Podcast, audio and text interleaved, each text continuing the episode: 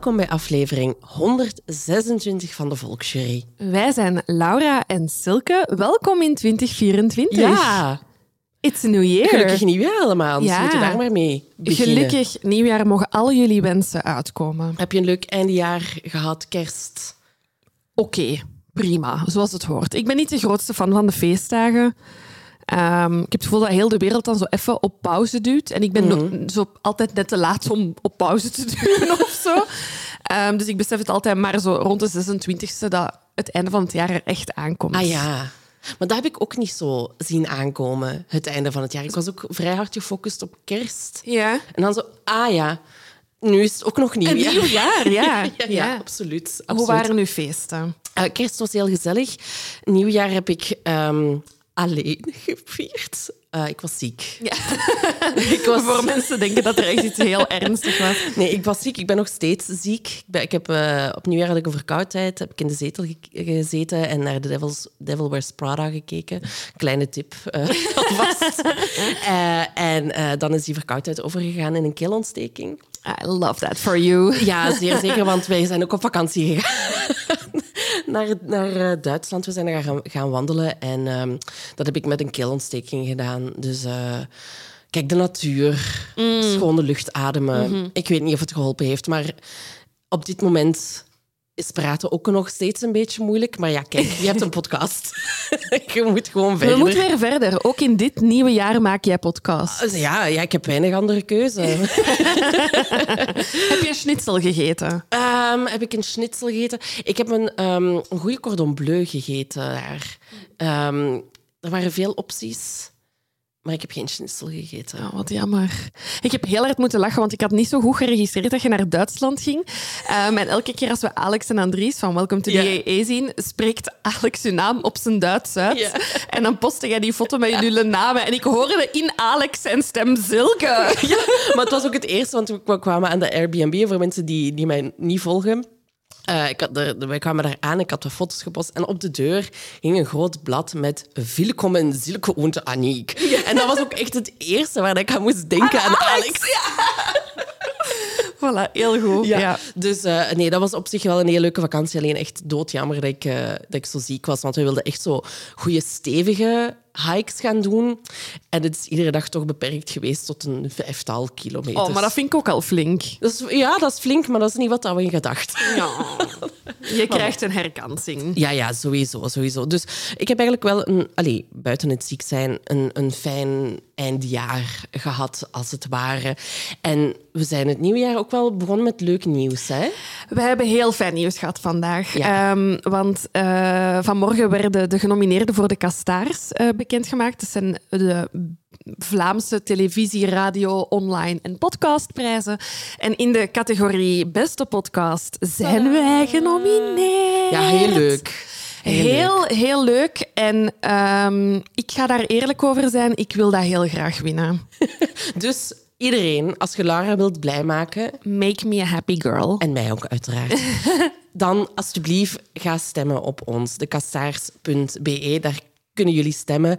En het zou voor ons wel zo toch de kers op de taart zijn of zo. Ja, het voelt... ehm, ik weet ook niet waarom, want die prijzen bestaan sinds een jaar. Maar toch voelt het alsof dat, dat hetgene is dat we moeten winnen. Ja, ik denk ook gewoon omdat dat de, de grote televisieprijzen zijn. Je zei het al, hè. je zit daar... Het is niet enkel voor podcast, maar het zijn wel de prijzen gewoon. En ik denk dat we het ook wel gewoon willen doen om, of winnen om erkenning te krijgen of zo. Ja, misschien wel. En weet je, jullie hebben het ook... Het, ding, het is ook heel moeilijk, omdat jullie zijn fucking zalig. Want Ja. elke keer als wij voor iets oproepen om te stemmen, is het de H van Humo, eh, is het de publieksprijs bij de oorkondes, slagen jullie erin ehm, om ons die prijs te bezorgen. En het feit dat die van jullie komt, betekent Ja. superveel voor ons. Amai. Dat is enorm veel erkenning, eh, want het is uiteindelijk voor jullie dat we deze podcast eh, maken. Ehm, dus daarom dat dat altijd extra leuk is als het met stemmen is en dat we dan winnen, dan, denk ik, dan, voel, ik me, al- dan voel ik altijd zo'n warm bad van luisteraars Het zal wel rond zijn. mij. Het zal wel zijn. Dus mochten we hem winnen, hij is ook echt wel voor jullie, als het ware. Ja, ja. We gaan jullie zeker bedanken in de speech dan. Maar kijk, we hebben wel, wel pittige concurrentie. Laten we dat niet vergeten. Laten we dat niet vergeten. En een hele mooie lijst om Ja. in te staan. Heel Ja. blij met de mensen die rond ons staan. Absoluut. Dus ik, ik gun het ook echt iedereen. die Ja, maar we gaan staat. geen namen noemen, want jullie moeten op ons stemmen. Maar ik had, ik had al zien passeren dat er mensen zijn eh, in de discussiegroep die naar ons luisteren, maar ook bijvoorbeeld naar Nerdland. Of en ze noemt de namen. EA. Voilà, hops. nee, doe maar verder. Naast nog dertien andere genomineerden. En eh, die zeiden ook van ja, ja, ik vind het toch wel moeilijk. En ik snap het, want dat zijn allemaal supergoeie Ja, podcasts. ik ook. gun, het, ik gun het de anderen ook wel. Ja, zeker, zeker. Dus heel blij nieuws om mee wakker te worden deze ochtend. Absoluut. Heb jij ehm, dingen gebinged, geluisterd, gekeken, gelezen deze vakantie die je wil delen? Ja, ik heb dus eh, heel veel in de zetel gelegen, aangezien ik ziek was. Dus jij gaat een zetel aanraden. En ook de televisie die ik heb. Ehm, maar het, eh, het eerste wat ik wil eh, aanraden is een Netflix-reeks, The Glory. Die heb ik ontdekt. Ook dankzij de discussiegroep. Eh er werd ook eh, gevraagd naar tips om te kijken. En iemand zei, ja, ik heb The Glory gezien. Ehm, en ik was wel meteen intrigued, eh, want het is een Zuid-Koreaanse reeks. Love it! En ik ben niet echt thuis in Zuid-Koreaanse tv, muziek, K-pop. Ehm, een klein beetje. Ehm, maar ik dacht, ik ga het een poging wagen. Eh, en Aniek en ik hebben samen gekeken en het was echt heel goed. Het gaat over een, een vrouw die in het verleden gepest is geweest op de middelbare school en nu wraak wil nemen op haar pesters. Dus het is wel echt heel goed. Heel goed. En daarnaast ehm, ben ik ook eh, teruggegaan in de tijd, de jaren 2000, eh, de afgelopen weken. En heb ik gezien The Devil Wears Prada, hè, zoals net gezegd. eh, maar ook Mean Girls heb ik gezien. En Home Alone. En er staan topfilms, Ja, stuk voor stuk. Stuk voor stuk. Mean En ook Girls, een- ik denk echt top 5 film voor mij. Sorry, ik, eh, wacht even. Dit is onduidelijk voor mij. Dit was de eerste keer dat jij Mean Girls hebt gezien? nee, ah, nee, oké. nee, nee, nee, nee, zeg, nee, nee, nee. Ah, oké. Ik dacht even... Bekent hier nu dat hij die nog nooit gezien heeft? Nee, en ehm, eh, er komt ook een nieuwe versie uit van Mean Girls. Ja. Dat trouwens een musical is. Dus daar weet ik nog niet wat ik daarvan vind. Nee, dus ik dacht, ik ga toch nog eens de Ja. OG-versie kijken. Ehm, dus dat zijn zo de dingen die ik heb gezien. Ja, Mean Girls is denk ik letterlijk eh, quotes uit die film. Dat is in mijn vast vocabularium. Snap ik. Ja, Fetch.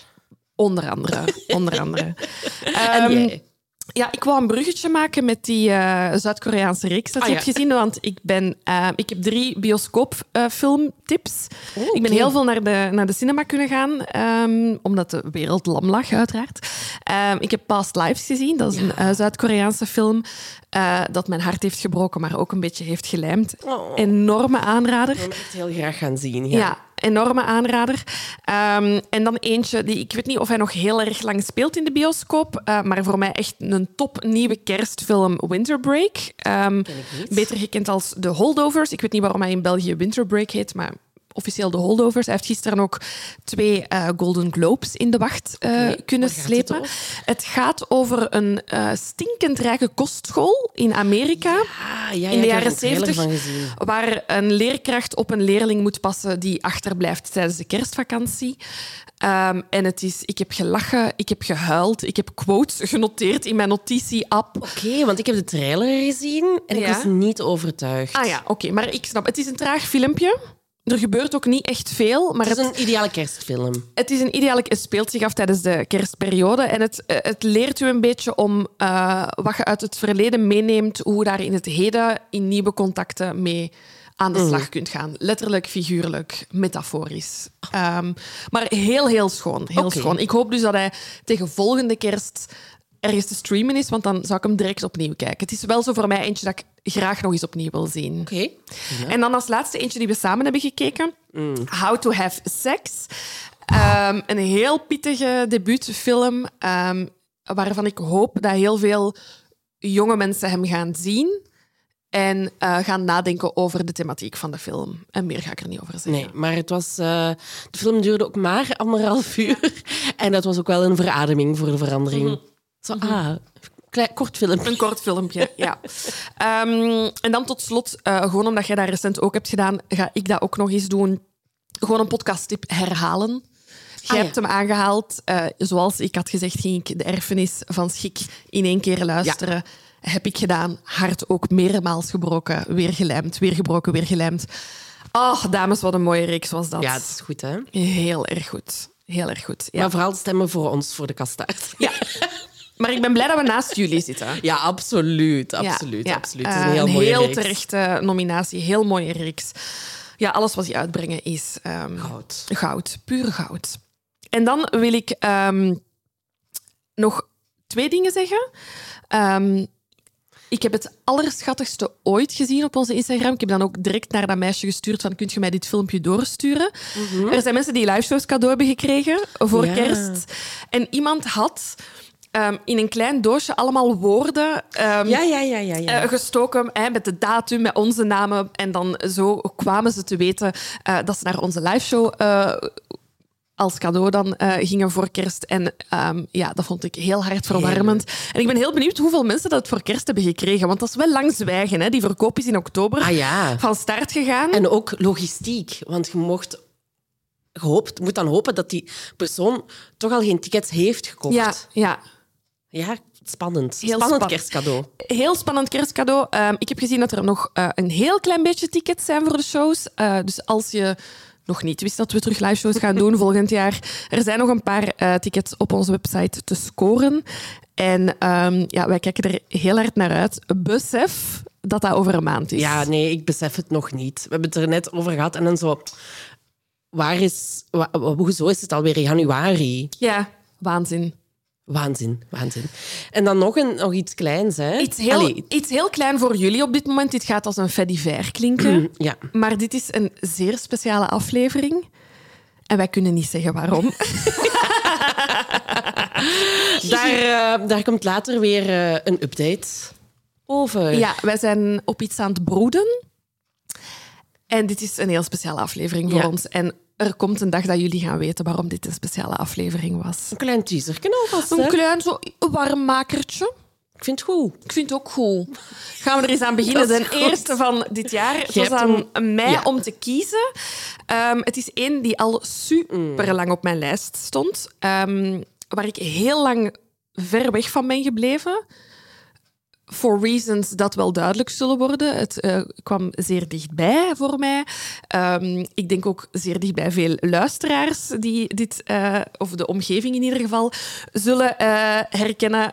Maar mijn bestie, Eline, heeft ehm, een, een tijdje geleden had een vriend van ons via voice note een podcast gesuggereerd. Ja. Hè, dat waren de hair-moorden in Ja. Edinburgh. Ehm, en ik stuur nooit voice notes met Eline. En ineens krijg ik een voice note van drie minuten. Dus ik denk, ja, die is aan het sterven. Ja, er, is iets aan, er is iets erg, die kan mij niet bellen. Die moet... En die heeft dus super hard haar best gedaan om deze nog eens te typen. Zo, Hallo, dit is Eline. Eh, ik heb begrepen dat ik via deze weg... En Zich ook zo ja, voorstellen. Ja, ook zo. Ik weet wie je bent. Ik ken u al heel mijn leven. Eh, maar ik dacht, ze heeft zo hard haar best gedaan. En ik dacht, eh, qua tijd is dit ideaal. Het is winter. We staan er zeer ver vanaf. Eh, conceptueel. Dus ik hoop... ehm, Concept. dus ik hoop dat het ver genoeg is dat we niet te veel mensen afschrikken. En ik hoop dat niemand dit in de zomer luistert. Als je, als je deze aflevering in een zomer aan het luisteren bent, stop hier. Kijk, ik ga gewoon zeggen dat ik blij ben dat je deze hebt gekozen, want deze stond ook al heel lang op mijn radar om eens te doen. Dus ik ben eh, blij dat je deze keuze hebt gemaakt. En eh, een goede start van 2024. Een goede start. Zal ik beginnen? Doe, doe, doe. Oké. Ehm, ik begin in 1977 in Tulsa, Oklahoma. Ik heb even opgezocht waar Oklahoma lag. Ik kan dat niet aanduiden op een kaart. Zeker het niet, is nee. de staat die boven Texas ligt. Ah ja. En heeft hij wat voor figuur? heeft Nee, nu stad? vraag je te veel van mij. Dat heb ik niet. Dat is, dus, het is ehm, eh, zo'n beetje een hoeve. Nee, is niet waar. Ik ben echt uit mijn aan het eh, lullen. Maar we zijn in 1977 in Oklahoma bij de familie Milner. En die hebben een tienjarige dochter, Denise. En Denise ehm, is een klein wondertje. Zij ehm, zou zichzelf hebben leren lezen, schrijven en rekenen. Een zeer pinter eh, jong meisje. Haar ouders vertellen over haar ze stapte vroeg, ze praatte vroeg en ze wil overal bij betrokken zijn. Dat eh uit zich ook in haar hobby's, gymnastiek, tapdansen, zingen in het kerkkoor. Haar ouders vatten haar samen als er zaten niet genoeg uren in een dag voor dat kind. Ik was ook zo'n kind. Ik had keiveel hobby's. Ik had ook heel veel hobby's, ja, ja, ja zeker. Voilà, dus ik, ik, I, I feel for Denise. En in 1977, het jaar waarin we, waarin we zijn, uh, beslist Denise dat het pakketje kan worden uitgebreid. Ze heeft zoiets van, hier kan nog een klein activiteitje uh, toe en uh, aan toegevoegd worden. En ze sluit zich aan bij de Girl Scouts. Ik ga vanaf nu voor de gemakkelijkheid de Scouts zeggen. Um, het is haar eerste jaar bij de padvinders. En um, Denise heeft zoiets van... Ik ga hiervoor. Uh, wij kennen dat denk ik niet, maar iets heel gekend in Amerika zijn... De inzamelacties, mag ik het zo noemen, mm -hmm. van, van, van de scouts. Hè. Zij verkopen koekjes waarmee ze dan uh, punten kunnen verdienen om hun scoutskamp in de zomer ja. te kunnen uh, financieren. En Denise smijt zich daarop. Die verkoopt ziek veel koekjes. En die zegt tegen haar ouders, deze zomer ga ik op kamp. Haar ouders uh, weten niet van waar het komt. Allee, ze hebben ze haar niet ingeschreven, dus ze is daar echt zelf mee afgekomen. Dus een heel jaar lang zit zij bij die padvinders. Die zomer komt dichterbij. Zij zamelt uh, geld in met de koekjesverkoop. Maar op het laatste moment, de dag voordat ze op kamp zou moeten vertrekken, zegt Denise dat ze zich bedenkt. Ze denkt, ja, ik zou denk ik toch niet willen meegaan, want ik heb gehoord dat er een paar vrienden zijn uh, die niet meegaan. En haar ouders hebben zoiets van, kijk, je hebt hier keihard voor gewerkt, je hebt je keihard geamuseerd dit jaar bij de scouts, ga toch maar mee op kamp. Ja, want haar mama, Betty, die zegt ook van ja, het was bij mij nooit opgekomen dat zij op kamp zou willen gaan, want het kind was nog nooit ergens blijven overnachten. Laat staan dat hij nu meteen een week in de bossen op kamp zou gaan. maar toch, ja, um, ze kan Denise toch overtuigen en Denise uh, gaat op kamp. Ik zal even het kamp zelf ja. kaderen, uh, het conceptuele. Dit is dus de reden eh, waarom dat ik het niet in de zomer wou brengen, deze aflevering. Dus um, we hebben de Girl Scouts van Oklahoma en die gaan al sinds 1928 naar Camp Scott, dat zich vlakbij het dorpje Locust Grove uh, bevindt. En Camp Scott had een oppervlakte van maar liefst 410 hectare. En om even te vergelijken, een voetbalveld is 0,6 hectare groot. Ah. Dus ruim. Zeer, zeer ruim. Um, er is ook een beekje dat door dat kamp loopt. Er was ook een, uh, heel veel bos, een dicht bebost gebied als het ware. Dus eigenlijk ideale plek om te kamperen. Hè. Je hebt wat water, je hebt weiden, je hebt bossen waar dat je heel veel activiteiten in kunt doen. En uh, de Girl Scouts die zouden slapen in tenten. En die tenten stonden op houten platformen en waren ongeveer 12 vierkante meter groot, 3,5 op 4 ongeveer. Dat zijn zeer grote tenten waar telkens vier meisjes in konden slapen. Um, wat dat je moet weten, het is daar pikkendonker s'nachts. Je doet daar alle lichten uit en je ziet niks. Ik zou daar een kleine paniekaanval van krijgen. Maar uh, de Silke van vandaag of de, de Silke, als vandaag. kind? Nee, als kind, you'd love it, toch? Ja, maar ik ben wel echt wel altijd... Een... Ja, je ja, weet, ik durf in donker ook niet naar de kelder te gaan. Nee, nee, maar is dat iets... Ah ja, oké, okay. dit is geen psychologie-podcast, maar is dat begonnen in uw puberteit? Of... Nee, als kind Ook al? Ah ja, ja. Okay. Ja, uh, mijn ouders hadden ook zo heel grote ramen in mijn ouderlijk huis. En als ik dan alleen thuis was, ik was ziek bang. Mm. Maar echt heel bang. Okay. Um, en ook zo... Ik heb ook uh, even bij de, bij de KSC gezeten. Um, en dan deden we zo nachtspelletjes. Mm -hmm. En ik deed in mijn broek. Ah ja, oké. Okay. Ik vond okay. zo van die bosspelletjes super tof om te doen. Overdag. Maar liefst overdag, alstublieft. Dus ik weet niet of dit ideaal was geweest voor mij. Anyway. Anyway. Dus het is 12 juni 1977. En op die dag vertrekken meer dan 100 meisjes met bussen van op de parking naar Camp Scott. Was ongeveer nog anderhalf uur rijden, waaronder dus ook Denise. En er is een kampbegeleidster, Michelle Hofman, die Denise opmerkt tussen al die meisjes. Ze merkt dat Denise wat schuchter is, wat verlegen, onzeker ook. En ze raakt aan de praat met Betty, de mama van Denise. En die zegt van, ja, kijk, Betty heeft nu al last van heimwee. Is er een manier, als je daar op kamp bent, dat ze, mocht ze toch te veel heimwee hebben, dat ze mij kan contacteren, dat kan daar kan geruststellen. Niet dat ik haar per se ga komen halen, maar gewoon alles komt goed. En Michelle zegt van, ja, kijk, ik ga dat doen, Maar tegelijkertijd denkt Michelle ook van ja, ik ga dat niet doen, want dat versterkt alleen maar die gevoelens van hem. Wat ik, wat ik begrijp. Ja. Een kind moet daar misschien wat even tijd voor nodig hebben om daaraan te kunnen aan, zich aan aanpassen Ja, of zo. ik ben, eh, ik ben scoutsleidster geweest en we hadden, een, ehm, we hadden medicatie mee voor eh heimwee. Drogeren, die kinderen. Dat was water met suiker. ja, ja. En dan was dat zo... Ik heb... Want dat, dat is dan nog de hele... Als, als ik echt aan de allerkleinste de kapoenenleiding gaf, dus zes jaar, eerste kamp, vijf dagen. Juf, het is niet juf. Ah, ja, oké, ik, ik heb heimwee, ik weet niet wat ik moet... Ik zo... Oké, maar je mag het niet tegen de andere kindjes zeggen, maar we hebben, we hebben een pilletje voor heimwee. En dan gaven we die een beker met suikerwater. En dat was direct over. Maar, Ja. ha, placebo. En nu heb ik sowieso kapoenen aan wie ik leiding heb gegeven die nu de volwassen leeftijd hebben en denken, the fuck? Ja, ik heb gelogen tegen jullie. Kijk, die hebben de eerste, de eerste trip eigenlijk al beleefd. Onderweg naar het Nu, Michelle die maakt daar geen gebruik van. En die zegt van, ja, kijk, ik ga gewoon even met Denise praten.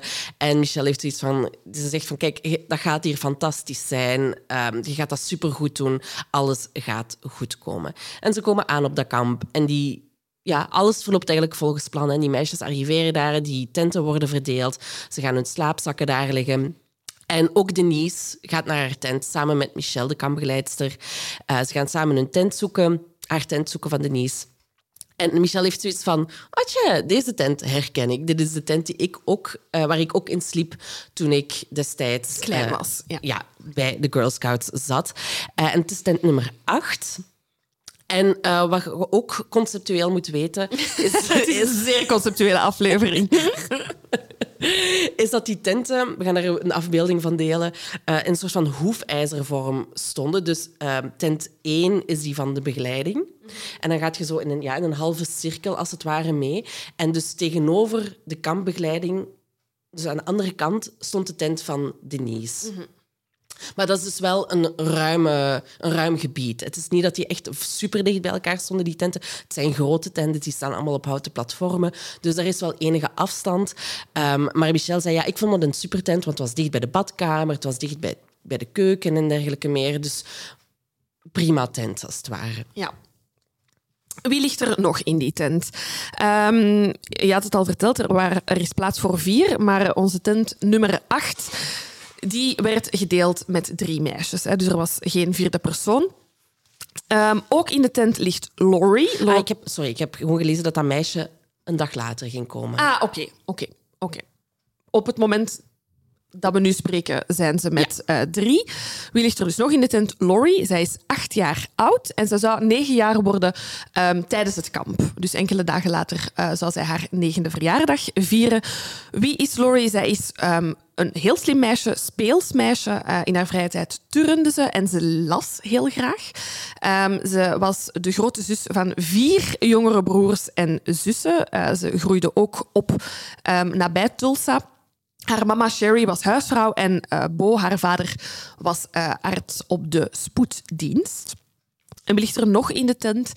Ook Michelle, dus niet Michelle de begeleidster, maar Michelle de ehm, tentgenoot. Eh, zij was negen jaar oud, een beetje een verlegen meisje, wel zeer atletisch. En dat vond ik heel schattig.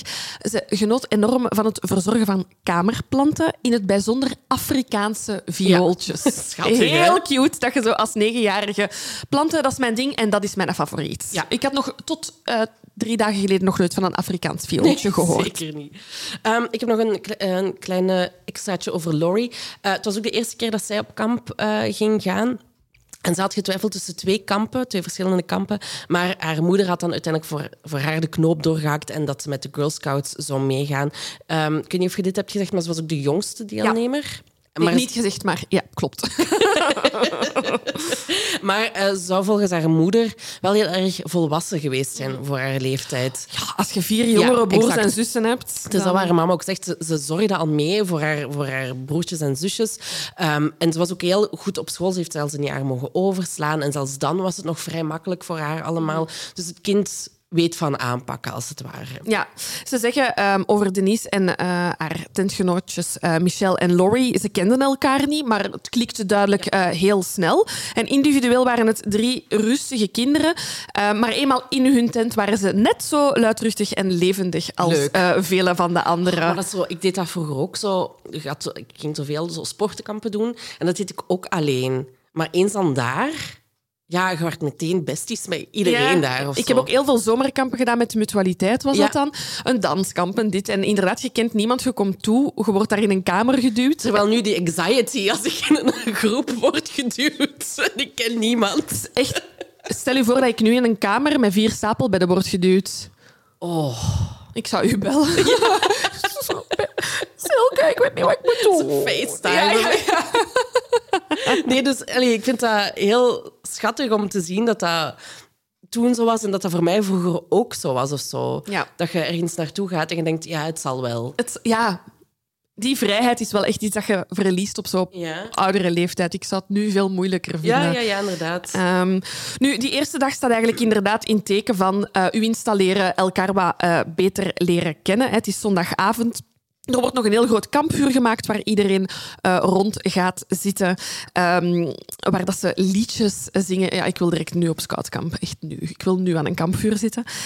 Um, ik en... niet, maar bon. en um, ja, dan zit de avond er eigenlijk uh, al op. En Michelle, de begeleidster, uh, vertelt daarover van... Hey, aan het kampvuur ben ik dan nog eens gaan kijken hoe dat met Denise was. Om een keer te zien van... Ja, loopt het? loopt het vandaag? Maar ja, die was eigenlijk uh, op zichzelf met haar nieuwe vriendinnetjes uh, zich aan het amuseren. Die was helemaal niet meer bezig met hoe het thuis uh, was. Um, en ze merkt dat die meisjes met drie in hun tent zich aan het klaarmaken zijn om te gaan slapen, um, zich klaar te maken voor uh, de nacht. Hè. Dus uh, Michel, de begeleidster, zegt oké, okay, slaap wel en uh, tot morgen vroeg. En Michel vertelt, ja, daarna zijn wij eigenlijk de begeleiding is ook gaan slapen, want dat is zo'n vermoeiend dag. Je komt daar met honderden kinderen toe. Um, je moet iedereen installeren, het is warm excitement. Um, dus wij ook als begeleiding, we hebben het ook niet laat gemaakt uh, die avond. En we zijn ook ja, iets later allemaal in onze tent uh, gekropen. En zij herhaalt eigenlijk ook van ja. Eenmaal dat dat vuur uit is en iedereen in zijn tent is, ja, dat is het donkerste donker dat ik ooit in mijn leven heb gezien. Hè? Um, als ik in mijn tent mijn ogen opendeed, kon ik eigenlijk niet zeggen of er een verschil was met toen mijn ogen gesloten waren. Ja, ja, ja. Zo pikken, pikken, pikken donker uh, is het daar. Bijzonder vond ik dat ze vertelt dat je naast dat je ook niks kunt zien, ook heel weinig kunt horen. Uh, dus die tenten staan inderdaad op platforms. Dat zijn stevige constructies um, van hout en die absorberen heel veel van het geluid. Hè. Dus um, zeker meisjes in een tent, die kunnen wel eens fluisteren. Maar die zei, ja, doordat je zo in een dicht bebost gebied bent en allemaal op hout slaapt, met die slaapzakjes, wij hoorden eigenlijk niks. Het was daar muisstil en pikken donker. Oh, ik krijg er nu al uh, de kriebels van. Nu, de volgende ochtend om zes uur s ochtends is een andere kampbegeleidster, Carla Wilheid, op weg naar de douches. Um, en we weten dat de tent nummer 8 van Denise, hè, vlak bij waar de douches waren en dergelijke. En ze is daar op, op pad naartoe. En ziet plots Denise op haar pad liggen. En Denise ligt op haar slaapzak. En naast Denise liggen nog twee andere slaapzakken. En Carla kon niet goed uitmaken wat dat er aan de hand was. Maar ze kon wel al uitmaken dat het niet goed was. Ze, had wel al gezien dat Denise overleden was. En ze besefte van hier moet iets, een vreselijk ongeval gebeurd zijn. Dus Carla die laat die douches voor wat het is. Die sprint naar de directeur van het kamp. En dan, terwijl dat ze daar aankomt, realiseert ze zich dat in die andere twee slaapzakken Laurie en Michelle zaten. En op dat moment schreeuwt ze het uit en ze zegt: Er is iemand het kamp binnengedrongen en heeft drie van onze kinderen vermoord. Insane. Dat is. Ja, elke keer als ik, ik, Want ik heb deze zaak al een paar keer in andere podcasts gehoord. Of als ik de research heb gedaan nu gewoon mijn eigen research aflezen, is super eng. Dat is het allerergste wat er u kan overkomen als kampbegeleider. Absoluut, absoluut. En ook, dat zijn ook nog steeds heel jonge mensen. Ja, ja, ja heel jonge mensen die daaraan deelnemen, die ervoor moeten overwaken dat die kinderen niks overkomt. Ja. En dan gebeurt het ergste van het ergste? Um, supergoed dat uh, Carla uh, hulp is gaan halen bij de kampdirecteur. Daar is ook een verpleegster bij. Dus die worden uh, erbij uh, gehaald. En ehm, heel verstandig is dat die kampdirecteur, kampdirecteur eigenlijk onmiddellijk delegeert aan de rest van de verantwoordelijken en zegt van haal die kinderen uit hun tent. Zorg dat die niet naar daar komen. Mm -hmm. Ga er spelletjes mee spelen. Ga liedjes zingen. Zorg dat die niks merken van wat dat er hier aan het gebeuren is. En verwittig de ouders, het kamp zit erop. Ja. Nu, um, de ouders van Denise, Michel en Laurie worden uiteraard ook gewaarschuwd over wat er gebeurd is. Al heb ik mijn twijfels erbij over hoe dat, dat gegaan is. Um, want de ouders kregen namelijk te horen dat er een tragisch ongeval was gebeurd, maar er werd niet gesproken over moord of dat er geweld was gepleegd.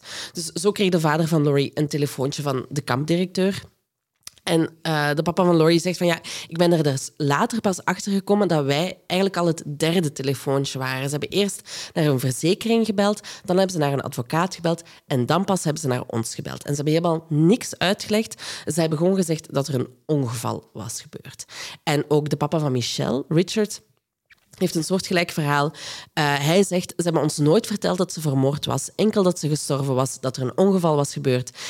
Ik heb pas vernomen dat ze vermoord was toen ik de televisie heb aangezet. En Betty, de mama van Denise, die gaf op dat moment uh, zomerklassen, uh, zomerlessen op de middelbare school. Um, en zegt van ja, kijk, ik weet niet meer wie dat erbij was, bij wie dat mij het heeft verteld. Maar wat ik ik weet nog wel exact de woorden die ze me hebben gezegd. Ze zeiden van, ze vertelden me dat Denise dood is. Zij en twee andere meisjes. Ik heb nog gevraagd of dat het een ongeluk was. En ik dacht nog ergens van, een ongeluk kan ik nog wel accepteren. um, maar toen hebben ze me verteld dat ze doodgeslagen is. Dus Betty heeft er nog achter moeten vragen -hmm. van... Oké, okay, maar uh, wat is er gebeurd? Um, en ik kan ergens begrijpen dat ze op dat moment zelf ook nog niet weten wat er exact gebeurd is. Maar het was wel al overduidelijk dat, dat die meisjes met geweld om het leven zijn mhm. gekomen. Mm -hmm. Ja, ja, ja. En het gaat om de ouders. Dat je dat anders communiceert, eventueel in eerste instantie naar andere ouders of, of andere kampbegeleiders mm -hmm. of mhm. zo. Daar kan ik nog ergens inkomen. Ja. Maar naar die ouders toe moet je onmiddellijk de waarheid zeggen. Ja, ik, vind, ik denk wel... Um en ik denk dat we daar nu, vandaag de dag, anders in zijn. Um, maar niemand bereidt u voor om dit nieuws ooit te brengen. Dus je handelt, denk ik, ook naar... Uh, ja, niet, zelfs niet naar gevoel. Ik denk dat je gewoon... Dat komt en ik denk niemand wil dat slecht nieuws brengen en dat je u daarom in bochten wringt. Nee, maar ja, het feit eerst naar de verzekering nee, nee, wel. Tuurlijk, dat is fucked up. Dat is fucked up. Um, wie ze uh, gelukkig ook als een van de eerste hebben gebeld zijn, uh, is de politie. Um, die uh, waren... Um, vrij snel uh, ter plaatse, samen met een uh, crime scene fotograaf, um, die later ook getuigd heeft uh, van, dat was een van mijn eerste zaken waar, dat er, waar dat het om moord ging. Ik had zelf kleine kindjes thuis en ja, ik werd opgeroepen, dat was mijn job. Um, ik besef eigenlijk nu pas achteraf wat voor een zware impact dat voor mij had, dat ik ja, foto's moest gaan pakken van dode kinderen op een kampterrein.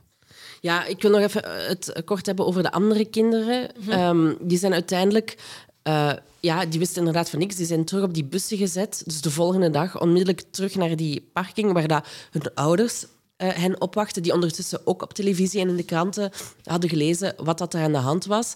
Um, maar die kinderen wisten nog van niks. Dus die kwamen daar aan. Een, um, hysterische ouders stonden daar, de pers stond daar, de politie stond daar. En die hadden allemaal zoiets van, what the fuck is, is hier aan de hand? En leg ja. maar eens uit aan uw achtjarig kind dat er drie andere kinderen vermoord zijn kinderen kennen dat woord zelfs nog niet. Nee, maar ik vraag me af, wat, zou, wat is het beste? Is het het beste dat je die ouders al laat vertellen? Of is het ja.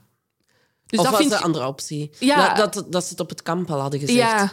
Nee, ik vind het goed dat ze hebben gewacht dat die kinderen gewoon veilig, op een rustige manier ja.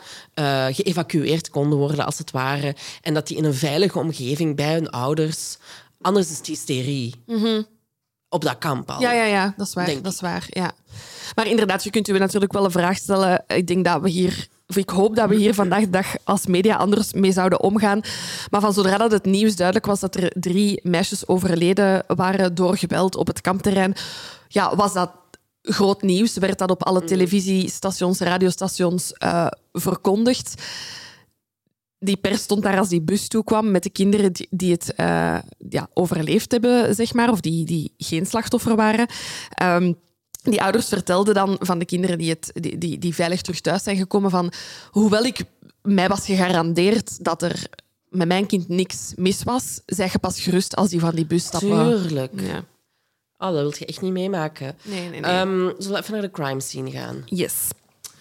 Um, in die tent van de meisjes um, wordt in eerste instantie enorm veel bloed aangetroffen, zowel op de vloer, op de kussens, op de bedden waar dat de meisjes gevonden uh, werden.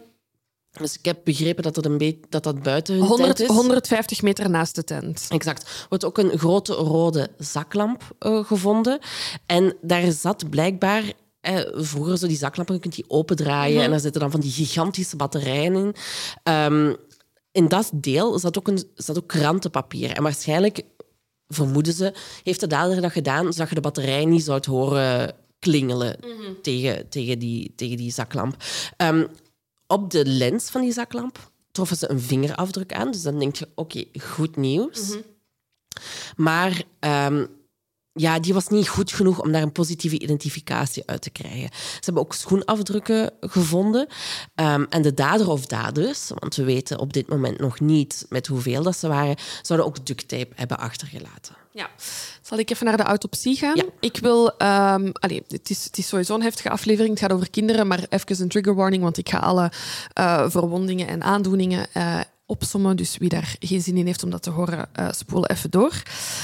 Laurie en Michelle die zouden volgens de officiële autopsie gestorven zijn aan slagen op het hoofd. Denise is ook geslagen, maar zij zou door wurging om het leven zijn gekomen. Alle drie de meisjes zijn seksueel misbruikt, waarvan twee van hen verkracht. Je hebt het al gezegd, er lag heel veel bloed. Um, daarvan kunnen ze vaststellen dat het um, allemaal van uh, de meisjes. Dus ze kunnen geen bloedpatroon vinden dat van een dader of van eventuele daders uh, zou zijn.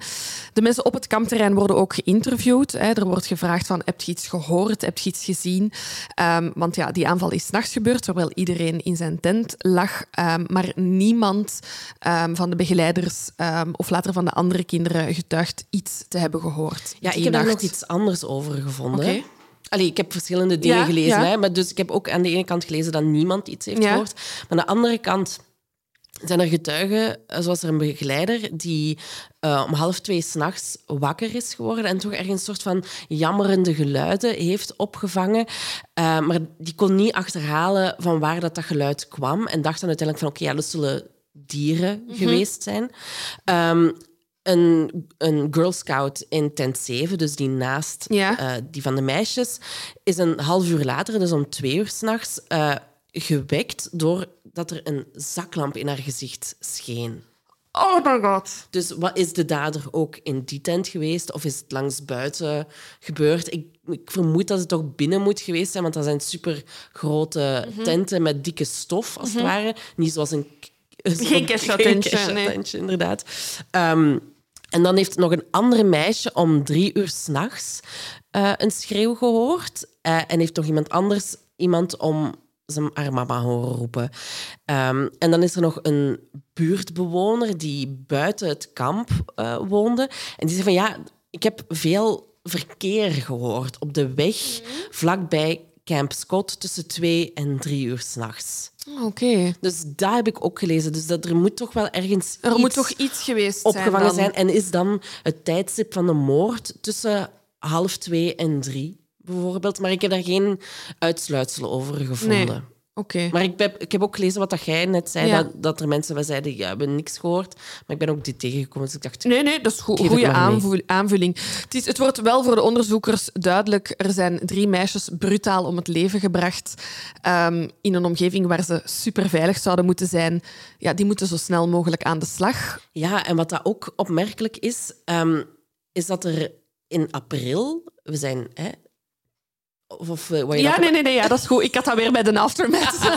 maar dat is goed. Doe maar, doe maar. We gaan niet elke keer... Ik denk altijd zo, nog een uitsmijter op En ik verpest het Ja. Wat was er in april? Vertel eens. Ehm, is er een briefje gevonden in een geplunderde tent van eh, een kampbegeleider, waarop stond: eh, We zijn op een missie om drie meisjes in tent 1 te vermoorden. Ondertekend de moordenaar. En zij hebben dat eigenlijk allemaal afgedaan als, als grap, als een prank. Wat ik ook wel ergens begrijp. Absoluut, absoluut. Zoiets kan... Allee, ehm, je kunt dat serieus nemen, maar het is zo specifiek, enerzijds, en zo random, anderzijds, dat je... In, achteraf gezien is dat super pijnlijk en is dat, lijkt dat zeer accurate informatie, maar dat had voor hetzelfde geld inderdaad gewoon tieners die een keer onnozel wouden doen Ja. kunnen zijn. Ehm, ja, ik vind dat ook heel moeilijk. Ik weet ook zo niet waar ik dat moet plaatsen. Nee, ik mm, nee. Heel raar. Maar de onderzoekers die starten eraan. De politie heeft zoiets van, wij moeten dit zo snel mogelijk eh, oplossen. Ehm, ja, er is a killer on the loose. Ehm, en er gaat een dag voorbij, een week voorbij, tien dagen voorbij. En de bossen worden uitgekampt. Er worden aanwijzingen gezocht. Er worden interviews afgenomen. Iedereen wordt opnieuw ondervraagd, ondervraagd, ondervraagd, ondervraagd. En dat levert niks op. Ze tasten in het duister. Tot er een tip van lokale eekhoornjagers binnenkomt. Which is a vibe. Een nieuwe, een nieuwe droomjob gevonden. Die eekhoorn. Lokaal, maar ook zo het, het, het geheel. Hè. Lokale eekhoornjagers. Ook zo niet gewoon lokale jagers of jagers. Of eekhoornjagers. Nee, lokale. maar ook gewoon het specifieke... Waarom wil je specifiek op eekhoorns ja, jagen? want komt er dan een everzwijn voorbij en zet je zo... No, Nee, niet mijn job. te groot. Niet voor mij. Ja, Of je ziet iets kleiners en zo... Nee, ook niet voor mij. Geen konijnen. vliegt, nee, doe ik niet. Enkel eekhoorns. Heel speciaal. Nu Maar zie, ik zo, nu zie ik zo'n eekhoorn op een stokje boven een kampvuur dat die dan opeten, die jagers. Oh. Is dat, te, is dat te, te gruwelijk? Ja, dat is te gruwelijk. Sorry. Dit is dan te gruwelijk. Hier trekken we de grens. Ja, hier. Goed, maar die lokale eekhoornjagers die hadden niets te Die, vertellen. hè? hebben, die, ehm, die gaan naar de politie en die zeggen van ja, kijk, er is hier een grot in de buurt. Hè, dus eh, onthoud dat eh, waar dat, dat kamp is echt gigantisch groot is. We hebben daar over honderden hectare gesproken, dicht bebost. ehm, weet ik veel wat allemaal. Maar er zou dus ergens een grot zijn. En ehm, waar dat ze dingen hebben gevonden. Dus de politie zegt, oké, wij gaan daar naartoe. En daar hebben ze dus ook in die grot, zijn ze echt moeten afdalen, hebben ze een rol tape gevonden. Ehm, dat overeenkwam met de tape die ze ook gevonden hebben in de buurt van waar dat de meisjes gevonden zijn. Ehm, ze hebben daar ook een stuk krant gevonden dat ook overeenkwam met het krantenpapier dat in de zaklamp zat. Dus zij denken, oké, de 1 dader plus 1 is 2. is hier geweest. In die grot vinden ze ook heel random twee trouwfoto's. En heel slim van de politie, ze laten die foto's uitzenden op het nieuws. Ze denken van ja, zijn we op zoek naar de personen die hierop staan? Wat is de link met deze feiten? Imagine dat dat uw trouwfoto Maar is. echt waar, echt waar. En er is iemand die die foto's herkent. Het is iemand die in de gevangenis werkt, in de lokale gevangenis. En hij zegt, ik weet, ik weet de link.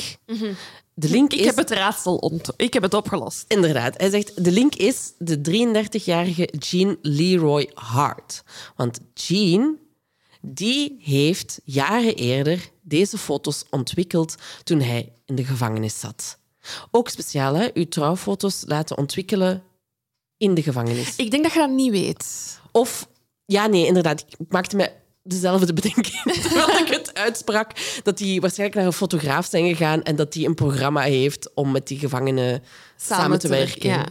Ik geloof dat er heel veel hotels hun lakens worden gewassen in gevangenissen. Vind, ik vind, vind ik wel goed. Ja. Ik, ik denk dat jij wel al eens in gewassen gevangenis...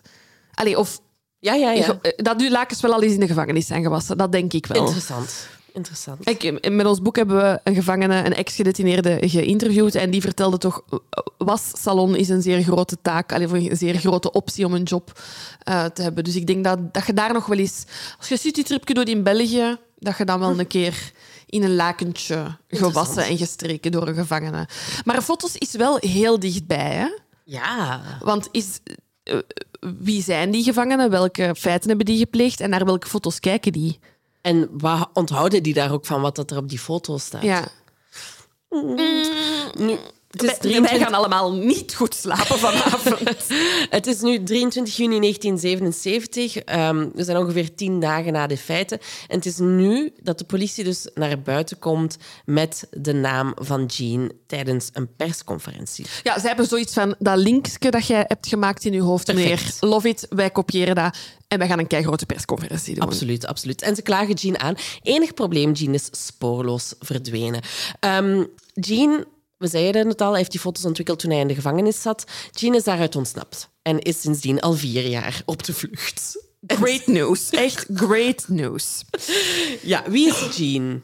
Jean, um, in het, ik dacht in eerste instantie al eens te vertellen uh, wat ze in het nieuws zeiden en op die persconferentie. Dus daar vertellen ze, uh, we zijn op zoek naar... Sorry dat ik mijn neus moet snuiten trouwens. Ja, verschrikkelijk, onvergeeflijk.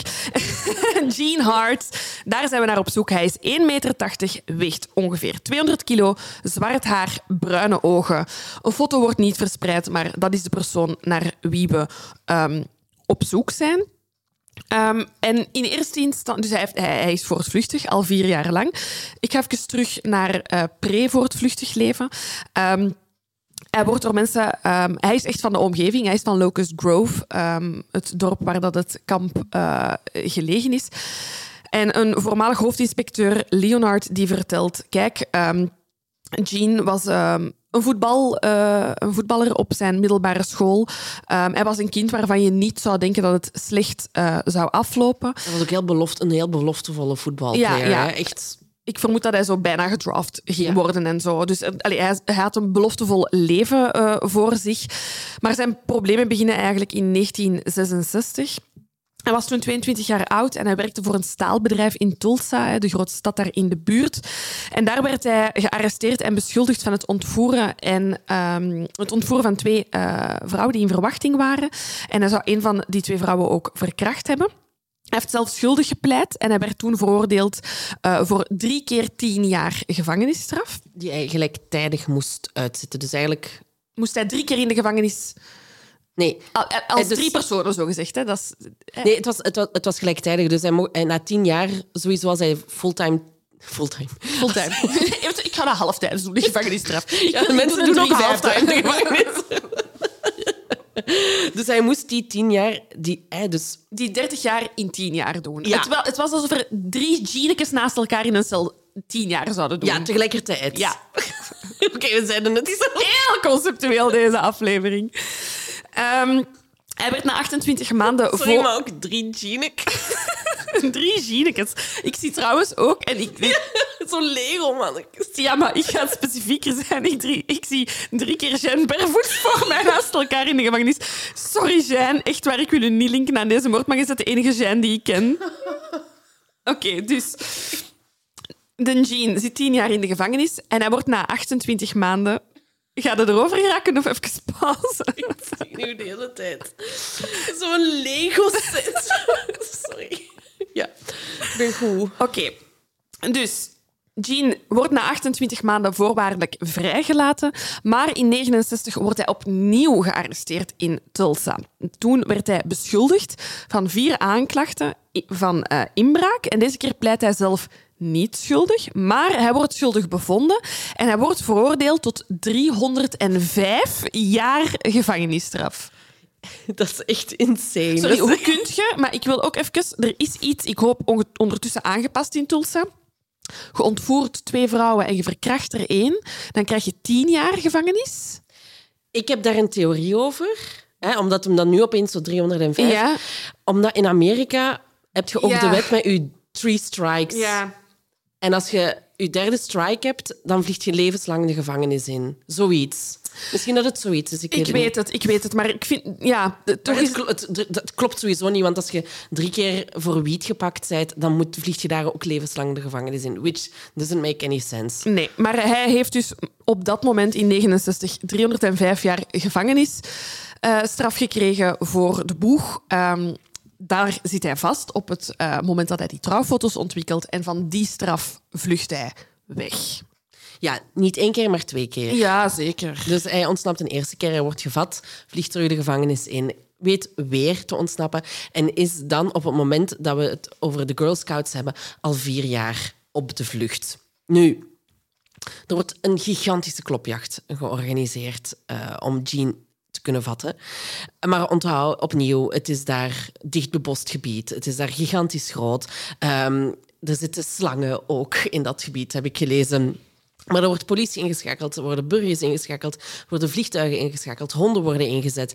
Ehm, er worden ook beloningen eh, uitge- allee, beloofd, als het ware. Er zijn heel wat banken in Oklahoma die zeggen van kijk, ehm, wij zetten hier een beloning op voor iedereen, allee, voor iemand die goede informatie zou kunnen geven dat dan zou kunnen leiden tot de arrestatie van Hart. En er zijn echt duizenden dollars binnengestroomd op dat moment. En zelfs in andere staten beginnen mensen geld in te zamelen in de hoop dat het zou helpen om Jean te vatten. Er wordt ook een open brief aan Jean geschreven. Die wordt gepubliceerd op de voorpagina van de Tulsa World op 3 augustus 1977 in de hoop dat Jean zich zou overgeven. Ja. Maar... Oh. Ja, nee, zeg maar. Ah, nee, ik zeggen, ja, dus die zomer smijt de media zich daar echt super Ja. hard op. Ehm, het zijn, ik, heb- ik heb ene krantenkop opgeschreven dat leest alsof dat, dat zo een breaking news van de dag van vandaag is. Eh, zo zou er in de, in de krant eh, op een dag ver- eh, verschenen zijn. Op amper 10 meter verwijderd. Er is een boer die zeker is dat hij Hart heeft gezien, hè, Gene Hart. Iedereen, iedereen zag hem overal. Ja, ja. Iedereen was hem aan het zoeken. En die zomer gaat verder en verder. Maar ze vinden Gene niet. Nee, niet te vinden. En ook, wordt ook weer duidelijk in de media, de, de aandacht verslapt als het ware, de zoekacties worden verminderd. Maar net op het moment dat het lijkt alsof, het, alsof de zaak gaat doodbloeden, is er een doorbraak. Het heeft tien maanden geduurd, maar op 6 april 1978 weten ze Jean te vatten in een hut in de Cookson Hills. Tien maanden. Zij is die ouders. Je wordt zot, hè? Ja, inderdaad. Het is, eh, je denkt toch echt van, dit gaat niet meer gebeuren. Nee. Nee, Die man is ook... met de noorderzon verdwenen. Het verbaast mij dat die man daar nog zat. Ja. Ik zou al lang de staat uit zijn. staat uit zijn. Nu, wat we nog niet hebben gezegd over Gene... eh, hij is lid van de Cherokee Nation. Dus hij is Native American.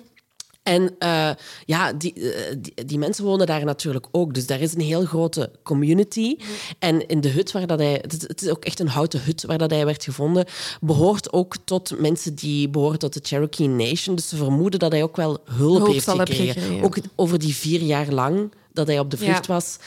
vermoeden ze dat, hij, dat mensen hem hebben geholpen. Ja. Ehm, de typisch telefoon is binnengekomen bij de politie. Er belt iemand naar de politie en die zegt... Kijk, ehm, ik weet waar hij zit. Als je naar die hut gaat, dan eh, gaat je hem eh, vinden. Dus de politie heeft onmiddellijk een eh, patrouille naar daar gestuurd. Ehm, en daar hebben ze het bevel meegegeven. Ga je gang, neem hem mee, dood hem niet, tenzij het moet, maar hij mag niet wegkomen. Het zijn OSBI-agenten die ter plekke komen. Daar had ik nog nooit van gehoord.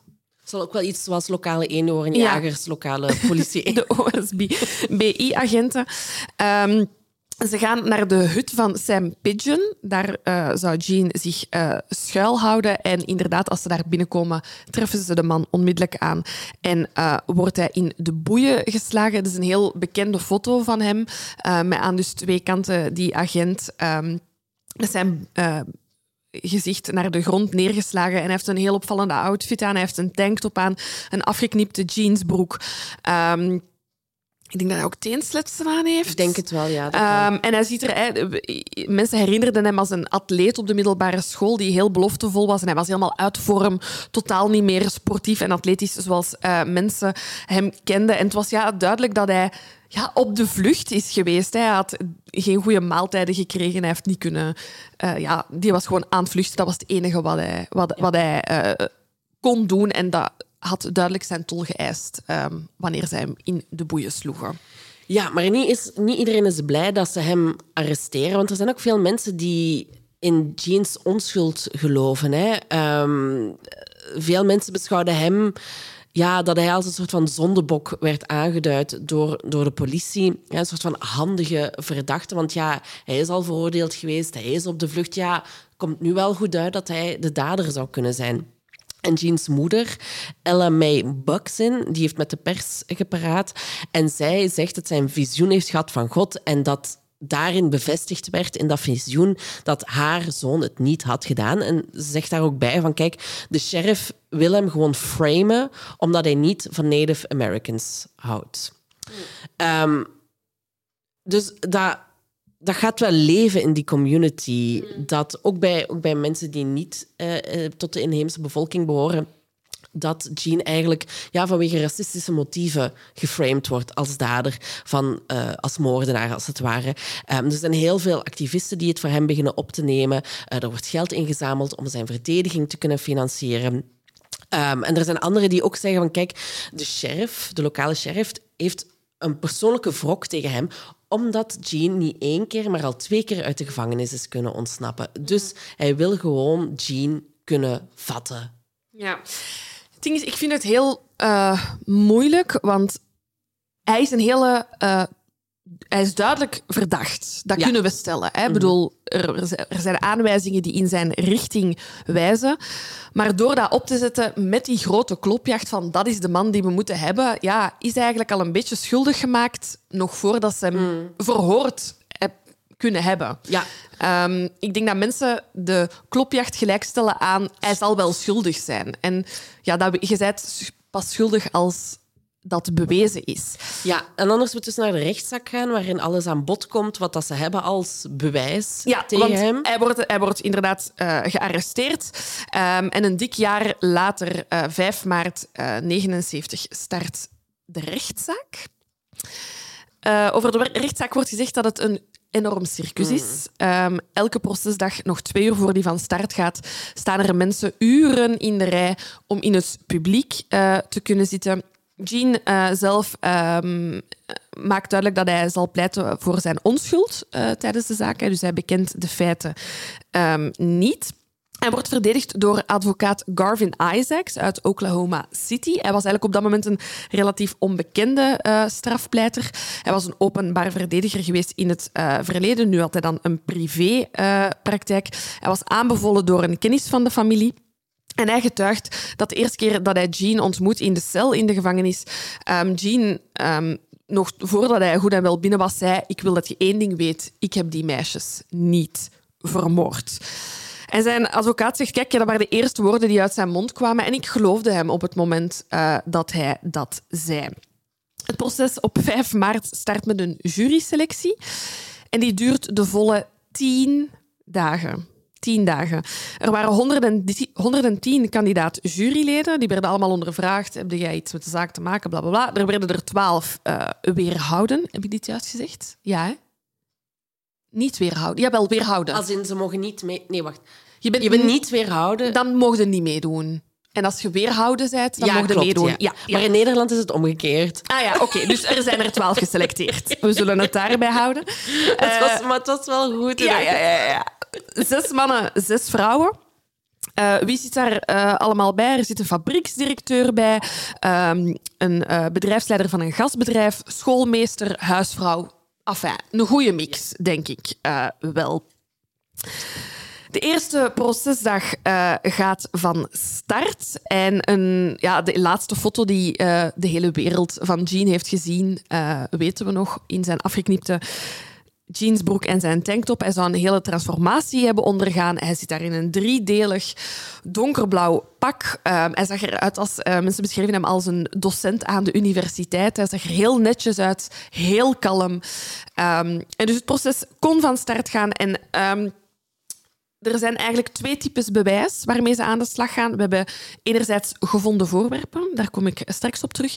En anderzijds biologisch ja. bewijs. Ik wil zeggen, het is 1979. Waaruit bestaat dat biologisch bewijs? Dat gaat over haar- en spermamonsters, allee, staaltjes, die gevonden zijn bij de meisjes, op de meisjes. Ehm, en die volgens deskundigen in verband kunnen gebracht worden met HART. Dat gaat hier over ehm, onderzoek, wetenschappelijk onderzoek, DNA. Daar is op dit moment nog geen sprake van. En dan de gevonden voorwerpen. Silke, dat is een hele lijst. Hè? Dus we hebben enerzijds de gevonden voorwerpen die in de grot worden gevonden. En we hebben voorwerpen uit de hut waar Jean werd opgepakt. Dus eerst uit de grot.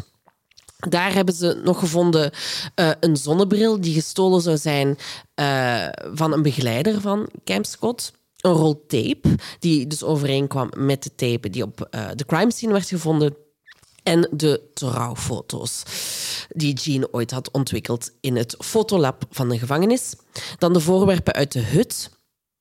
Uh, daar zouden ze een spiegel hebben aangetroffen en een speelgoedpijp die volgens een andere kamperenbegeleidster uit haar tent waren gehaald. Dus... Ik vind het heel goed dat een kambegeleider zegt, ja, dat is een speelgoedpijp. Wij weten allemaal dat daar hash mee werd gerookt. Hoogstwaarschijnlijk. Het is, het is de 70s. Hoogstwaarschijnlijk. Nu um, gaat het net over, het, over de harenmonsters mm -hmm. die gevonden waren. Um, nu, sinds 2015 is de microscopische haaranalyse uh, geen techniek meer die wordt goedgekeurd in de forensische analyse. Okay. Um, dus dit moeten we parkeren. Ja, ik vind wel tof dat ze zeiden dat het haar precies hetzelfde leek als dat van hem. Ja, maar dus sinds 2015 ja. is dit kwatsch. Maar is dit overal kwatsch? Ik bedoel, als ik een haar achterlaat op een crime scene, kan ik dan zeggen: nee, maar dit is kwatsch? Je kunt dat proberen, ja. nee, maar dus is er iemand, is er een, is er een wetenschapper of is er een advocaat ja, die, die kan ons helpen?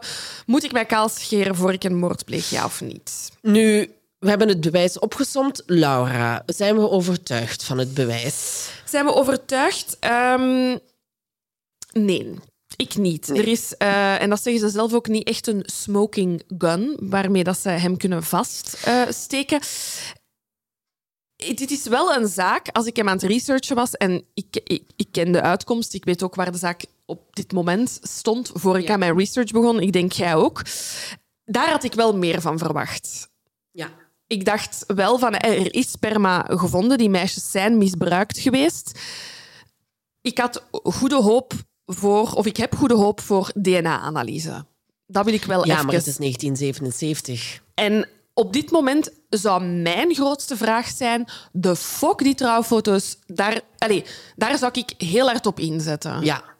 Maar ze geven zelf toe hè, dat ze inderdaad geen smoking gun hebben. Ze hebben geen vingerafdrukken. De schoenafdrukken waren ook geen match die ze aangetroffen hebben. Dus ze kunnen niet voor de volle 100% zeggen van uh, dit is onze dader. En daar gaat de verdediging ook op in natuurlijk. De advocaat van Jean zegt eigenlijk wat we daar straks al zeiden. De politie is er altijd al op uit geweest om Jean te kunnen vatten. Um, en ze zouden alles eraan doen om hem te kunnen linken aan de zaak.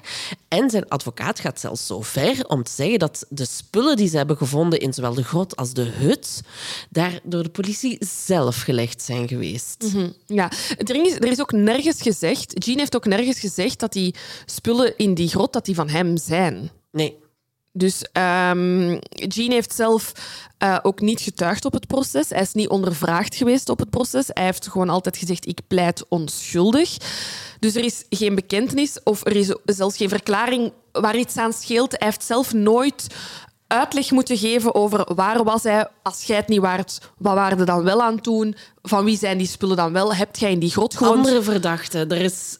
Er, is, er wordt nergens echt uitleg nee, over maar gegeven. We zullen straks verder onze mening over deze zaak zeggen. Ja. Um, de jury gaat dan beraadslagen en die hebben anderhalve dag nodig ja. om tot een besluit te komen. En zij zeggen, Jean is onschuldig. Ja.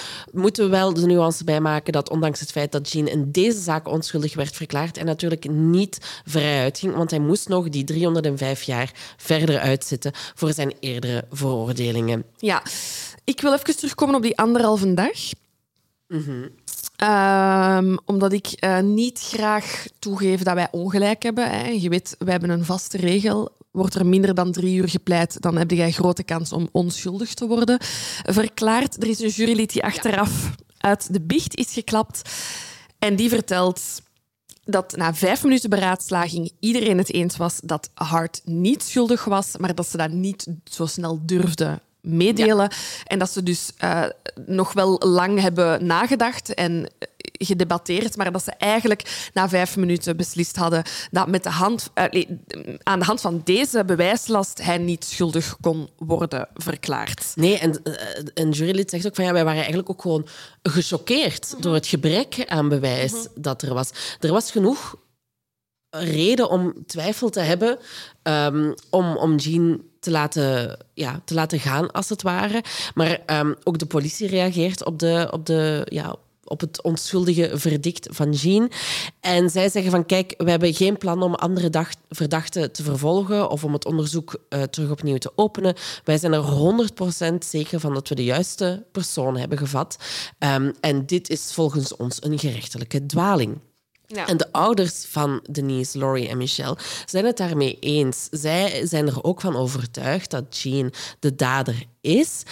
En uh, de vader van, van Laurie die zegt van ja, voor mij was er wel overweldigend bewijs. En, dat, en hij zegt ook van ja, ik was echt kapot van het vonnis. Wat ik ook begrijp, want als ouder... Je wilt maar één ding, iemand wilt... moet boeten voor wat er gebeurd is.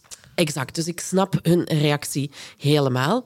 Nu, um, de supporters van Jean die waren, hebben blijkbaar uitzinnig gereageerd. Waar ik ook mijn vragen bij heb natuurlijk. Van, moet je op dat moment zo reageren? Maar je moet je realiseren dat zij natuurlijk het standpunt hadden van... Oef, er is geen onschuldige man veroordeeld voor... Ik weet het, maar een rechtbank is geen sportwedstrijd. Nee, dat is waar. Er wordt niet geapplaudisseerd voor een goal. Nee, klopt. Um, en Jean zelf zou volgens zijn advocaat eigenlijk um, heel lang hebben geweend mm. om, het, om het toen hij het verdikt uh, heeft aangehoord. Ja, ik wil nog eens even over die ouders daar even op terugkomen. Ja, het koppel is terug. Wat koppel is? Even circling back because it's January. Um, die ouders, uh, en dat brak wel echt mijn hart, um, om het vanuit hun standpunt even die rechtszaak te beleven. Zij zeiden van, wij, zijn, uh, wij kwamen elke dag naar de, naar de rechtbank in Tulsa. Um, je moest nog maar een plaatselijk restaurant binnenlopen en daar stond een tippot waar geld in werd gezameld voor de verdediging van Jean. Voor ons was dat heel ontmoedigend. Wij werden op straat door vreemden aangesproken die zeiden Jean heeft uw dochter niet vermoord. Daar hebben die mensen geen boodschap aan. Als er zes mensen kwaad mochten zijn en onredelijk kwaad mogen zijn, desnoods, en eigenlijk is het niet onredelijk, maar als er zes mensen zijn over wie je geen oordeel mocht vellen, dan zijn het de zes ouders van die drie vermoorde meisjes. Die mensen, echt, wat dat die denken, dat maakt niet uit. Um, en ik vind het wel heel jammer dat er zo weinig respect voor die nabestaanden ja, is ja, geweest. Ja, absoluut. absoluut. Nu, uh, we zijn twee maanden na de um, uitspraak ja. van, allee, van, de, van de rechtszaak. En Jean zit ondertussen terug in de gevangenis. En hij denkt van... Ik ga even sporten op de buitenkoer. En hij krijgt daar een hartaanval en sterft. Ja. Dus ja, voor die ouders ontvangen dat nieuws. En zij zijn ook heel erg in shock daardoor. Want zij denken van ja de dader, die niet eens een straf heeft gekregen voor wat hij heeft gedaan, is nu ook dood. Dus we gaan nooit nog gerechtigheid... En, en antwoorden. En antwoorden krijgen, inderdaad. Um, nu, er wordt heel even vanuit gegaan van ja, misschien was hier iemand... Is, is Jean ook vermoord geweest? Mhm. Was het helemaal geen hartaanval? Maar ze hebben daar onderzoek naar gedaan. En ook uh, Jeans advocaat is ervan overtuigd dat, hij, dat het gewoon een natuurlijke dood is geweest. Um, er wordt een begrafenis voor hem uh, georganiseerd in Locust Grove. En er zijn ongeveer ja, er wordt geschat dat er duizend mensen op af zijn gekomen om een eerbetoon zogenaamd uh, te, te geven aan Jean. Maar er wordt ook van uitgegaan dat er gewoon ook wel sensatiezoekers naar op af zijn gekomen. Um, maar omdat het dus zoveel mensen trok, is het in de plaatselijke middelbare school uh, sportzaal georganiseerd. Ja, iemand, uh, ik had er een quote opgeschreven. Veel mensen kwamen om te kijken wie er nog kwam. Ja, kijk. nu, um, daar eindigt het nog niet, want um, de ouders van Laurie en Denise hebben in 1985 nog een rechtszaak aangespand uh, tegen de organisatie organisatoren van het kamp, uh, voor nalatigheid. En ze eisten 5 miljoen dollar. Omdat, ja, ze zeggen van kijk, maar er waren wel getuigenissen van kampeerders en begeleiders over die diefstallen. Hè, wat dat er daar in april is gebeurd. Er zijn, uh, s'nachts hebben mensen blijkbaar wel geluiden gehoord. Waarom is daar niemand op afgegaan? Hè, dus er had misschien, dit had misschien voorkomen kunnen worden. En ik snap die redenering wel, dat ze dan daaruit hopen van laten we dan dit nog proberen om op deze manier gerechtigheid te krijgen. Die mensen zijn op zoek naar gerechtigheid. Ik denk dat die voor alle duidelijkheid niet kwaad zijn op die kampbegeleiders. Nee. Um, ik hoop van harte dat die kampbegeleiders zichzelf uh, niet de rest van hun leven schuldig hebben gevoeld. Maar ik snap als, als je zo'n ja, voor die ouders teleurstellend vonnis krijgt, dat je blijft vechten. Hè. Je wilt een soort van closure. En als u dat niet wordt gegeven in de rechtbank, dan blijft jij zoeken tot jij gerechtigheid vindt. Hè. Ja, absoluut. Maar uiteindelijk oordeelt de jury in het voordeel van de kamporganisatie. Dus zij moeten geen 5 miljoen dollar betalen aan de families. En daarmee eindigt ook het gerechtelijk, het justitiële luik, als het ware, van, van de zaak. Ja. En dan is het eind jaren 80. En um, DNA-testen komen op de markt, worden geïntroduceerd en worden geïntroduceerd in strafrechtelijk onderzoek. Er worden ook DNA-testen gedaan uh, op het gevonden materiaal, op het bewaard uh, materiaal. Helaas is dat in zeer slechte staat bewaard of uh, niet goed gevonden. dus er is officieel niks overtuigends dat naar voren komt. Er is één test die wel um, ja, u eens kan doen nadenken wat dat de uitslag... de uitslag van de test is wel bijzonder. Hè. In 1989 ehm, worden, de, worden er uh, vijf DNA-tests uh, uitgevoerd. Um, van DNA dat op de plaats delict is gevonden. En op een van die uh, testen, die dat ze linken met de lichaamsstoffen van Hart, dus een van zijn uh, monsters, stalen, toont dat 1 op de 7700 Native Americans zo'n DNA-patroon zou hebben. Um, maar de test is ook inconclusief. Dan is er gelukkig een wetenschapper die een uitleg geeft die vatbaar is. Waar het op neerkomt, is dat als er 7700 Noord- Amerikaanse Native Americans in het kamp aanwezig waren geweest, de avond van de moorden, er maar eentje is die overeenkomt met de kenmerken die wij hebben binnen de DNA-stalen. Die overeenkomt met Jean. Oké. dus... dus als er 7700 mensen zijn, hebben zij er eentje dat matcht met Jean. En zo zijn er dus... Het is één kans op 7700 dat er zo iemand is. Dus dat vernauwt het wel. Maar nog niet... Maar het is niet één op één. Nee. Ik weet niet of ik dit juist heb uitgelegd, maar... Nee, maar ik snap het wel. Het is, het, de trechter wordt iets kleiner, maar, het is niet duidelijk. Nee, voilà. Um, en in 2008 proberen ze het nog eens opnieuw. er is weer nieuwe technologie en zo. Maar er is nog amper iets overgebleven van die sample dat ze hebben.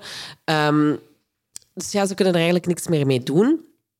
Nu, uh, in 2017 wordt er 30.000 dollar opgehaald um, door de sheriff. Eh, uh, er wordt een fundraising gedaan om nieuwe DNA-tests te doen. Ik weet niet meer wat ze dat dan hebben gedaan, met wat dat er nog is overgebleven.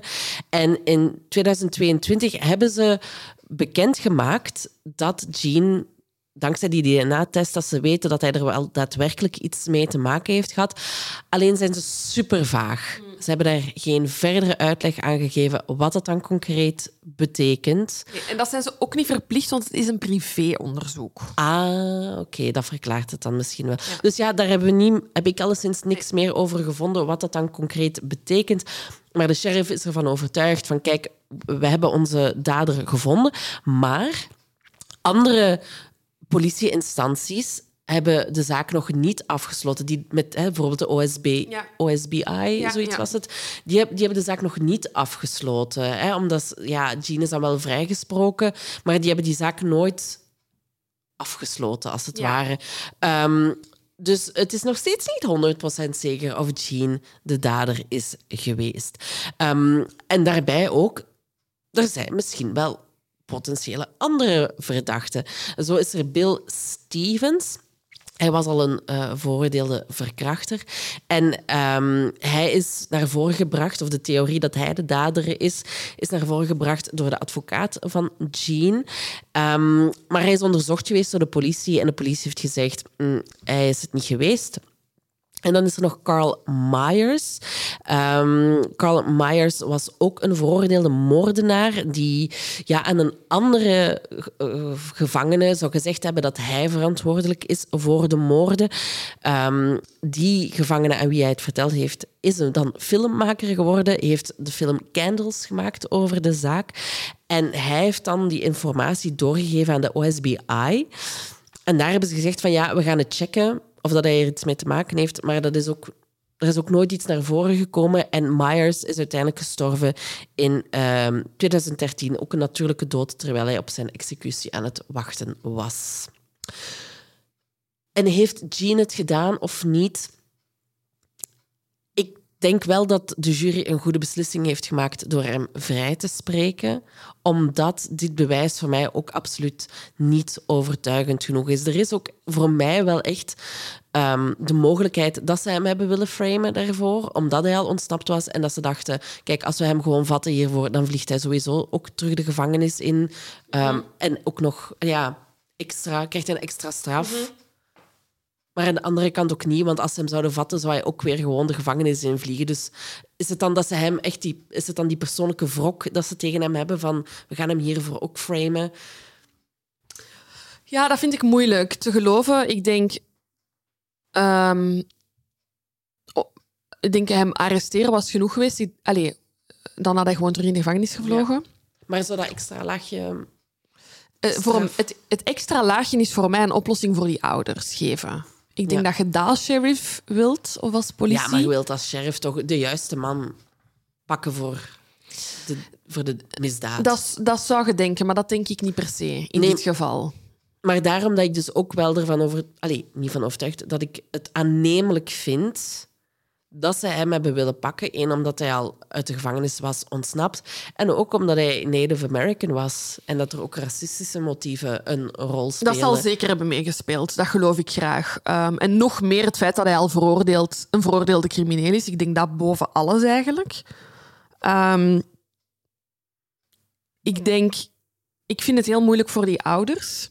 Mm -hmm. Want je wenst die wel closure. de zaak, uh, allee, of je wenst die een dader toe. Ik denk dat je dan pas aan je rouwproces kunt beginnen en dat dit gewoon. Of antwoorden gewoon ja, te horen, ja. ja. Um, ik had zo'n hoop voor DNA, maar zo, dat, het wijst nog maar eens dat als je niet weet wat er in de toekomst nog komt van, van technologie, dat je niet weet hoe je nu dingen moet bewaren. Want ik kan me voorstellen dat er echt een shitload aan DNA-bewijsmateriaal was op die crime scene, maar dat die gewoon niet de tijd en niet de middelen en niet wisten de wat. Kennis, ja. ja. Uh, want anders was deze zaak denk ik wel opgelost geraakt. Um, want ja, desnoods schraafde die een op voor DNA. Maar ik vermoed dat er ook gewoon het DNA op de crime scene tekort is. Ja. Of dat het al opgebruikt is ja. toen ze dachten dat ze de juiste technologie Techniek hadden. Ja. Wat dan niet het geval bleek te zijn. Um, ik denk dat dit onopgelost blijft. Of ja, inconclusief, of hoe moet je het zeggen? Um, maar mijn buikgevoel zegt wel dat hij de dader is. Ja, mijn buikgevoel zegt dat inderdaad ook wel. Um, hij heeft zijn, ja, heeft zijn uh, geschiedenis niet mee. Hè? Nee, hij heeft zijn geschiedenis niet mee. En die foto's, dat is zo specifiek. Ja, en ik denk ook niet dat dat nu net iets is wat de politie daar gaat neerleggen. Want dan moet je al echt weten uh, dat hij die bepaalde foto's heeft ontwikkeld. Uh, dan moet je die nog ergens gaan vinden. Ik bedoel, zoveel hersenen. En ook, er zijn, dat, dat, las ik ook in een van de artikelen, er waren zoveel politieinstanties betrokken. bij betrokken bij, bij die zaak, dat het nogal wat in zijn werk moet hebben gehad om dat allemaal gestructureerd te krijgen, dat iedereen mee was in het verhaal van we gaan hem hier framen. Ja, er zijn zo twee zijsprongetjes in mijn brein nog. Um, één iets dat in zijn voordeel spreekt voor mij. Ik denk als je vier jaar succesvol op de vlucht bent, doet je zoiets dan? Ja. Is, is de drang dan zo groot om drie jonge meisjes in een overvol kamp te verkrachten en te vermoorden? Ja. Is dat een risico dat je neemt? Dat vind ik moeilijk te vatten. Om even dan advocaat van de, Ja. van de duivel eh, te zijn. Hij zal misschien ergens ook een pauze hebben ingelast, als het ware. Hè, van, en nu het als een opportuniteit gezien hebben. Mhm. Hij zal daar ergens al die tijd rondgezworven hebben. En nu op dat kamp gestoten zijn. Ja, ja. En zoiets hebben gehad van, oké, nu ga ik er weer voor. Ehm, en ook, hij zal misschien gedacht hebben, ja, als ik nu gevat word, ja, ik ontsnap wel weer opnieuw of zo. En dan iets wat dat voor mij in zijn nadeel spreekt, is het, de, de stilte bij hem. Ehm, ergens denk ik, als je onschuldig bent en als je advocaat overtuigd is dat je onschuldig bent, dan ga je dat proberen te bewijzen. Dan ga je die laten spreken. Dan geef je een alibi. Dan laat de mensen... Het feit dat hij niet heeft getuigd in die rechtbank, dat er door zijn advocaat ook niet gezegd is, ja, maar en hij heeft vier maanden bij die persoon gewoond en die persoon kan dat bevestigen. Er is gewoon... Ik heb zoiets van... Ja, ze laten hem liever zwijgen dan dat hij iets verkeerd zou kunnen zeggen. Dat vind ik dan weer heel... Opvallend. Die stilte vind ik heel opvallend. Volgens mij is er ook niemand die in zijn voordeel spreekt, hè, of zegt van, hey, Nee, eh, ja. ik heb hem daar en daar toen gezien, en of hij was bij mij, ondanks dat ik weet dat ik hem voortvluchtige onderdak heb gegeven, of wat dan ook. Er is niemand dat hem een alternatief biedt. En hij biedt zelf ook geen alternatief van wat, het, wat hij dan wel aan het doen was als hij niet die moorden heeft gepleegd. Dat spreekt voor mij enorm. Allee, dat vind ik veelbetekenend. Absoluut, absoluut. Ehm, ik heb nog één laatste eh, dingetje over het kamp zelf. Ja. Ehm, want ja, na de moorden op Denise, Laurie en Michelle werd het werd kamp Scott gesloten. En vier jaar lang konden de Girl Scouts van Oklahoma nergens terecht. Tot er land werd aangekocht in Osage County, wat dat we kunnen kennen van eh, de film de, met de moeilijke titel Killers of the Flower Moon. Killers of the Flower Moon. Die Oscar voor beste film gaat winnen. There, I said it. Prima. en eh, Camp Tall Chief werd opgericht. Nu, eh, de veiligheidsmaatregelen zijn onmiddellijk aangescherpt, want er is een groot hek rondgeplaatst. Eh, er zijn ook hutten geplaatst in plaats van tenten. Ehm, also, ja, om er toch zich van te verzekeren dat het nu veiliger was om op kamp te gaan daar. Goh, ik denk, je, dat is echt één Ja. kans op oneindig Tuurlijk, dat dit gebeurt. Ehm, zou ik mijn kind nog bij de scouts steken als ik van Oklahoma was? Nee. Maar ik voel ook zo mee met die ouders. Hè, want bijvoorbeeld bij Laurie hebben ze gezegd van... Je gaat mee met de Girl Scouts in plaats van het andere kamp. Ja. De moeder van Denise heeft Denise aangesproken. Kom, ga toch maar mee. Ja. Je weet dat gewoon niet. Nee, ik weet het. Je weet dat gewoon niet. En die, die ouders die slaan zich nog steeds voor het hoofd dat ze dat hebben gedaan. Maar je, wilt u, ja, je gaat er ook niet vanuit dat zoiets gaat gebeuren. nee, nee, tuurlijk, nee. nee. Mag ook niet gebeuren. Nee, zoiets. mag ook niet gebeuren. Nee. Bah, heftige zaken. Ik mag er niet te lang over Nee, nadenken. maar dan gaan we afronden. Je bent zo hard. Dit was voor ons, ja, we gaan het nog eens zeggen, een speciale aflevering, maar dat komen jullie bin- binnenkort wel weer eh, te weten waarom. Bedankt om te luisteren. Yes, thank you very much. En alsjeblieft stemmen op ons voor de kastaars. Alsjeblieft. Alsjeblieft, thank you. Bye, I love you. Love you. Bye, bye, bye.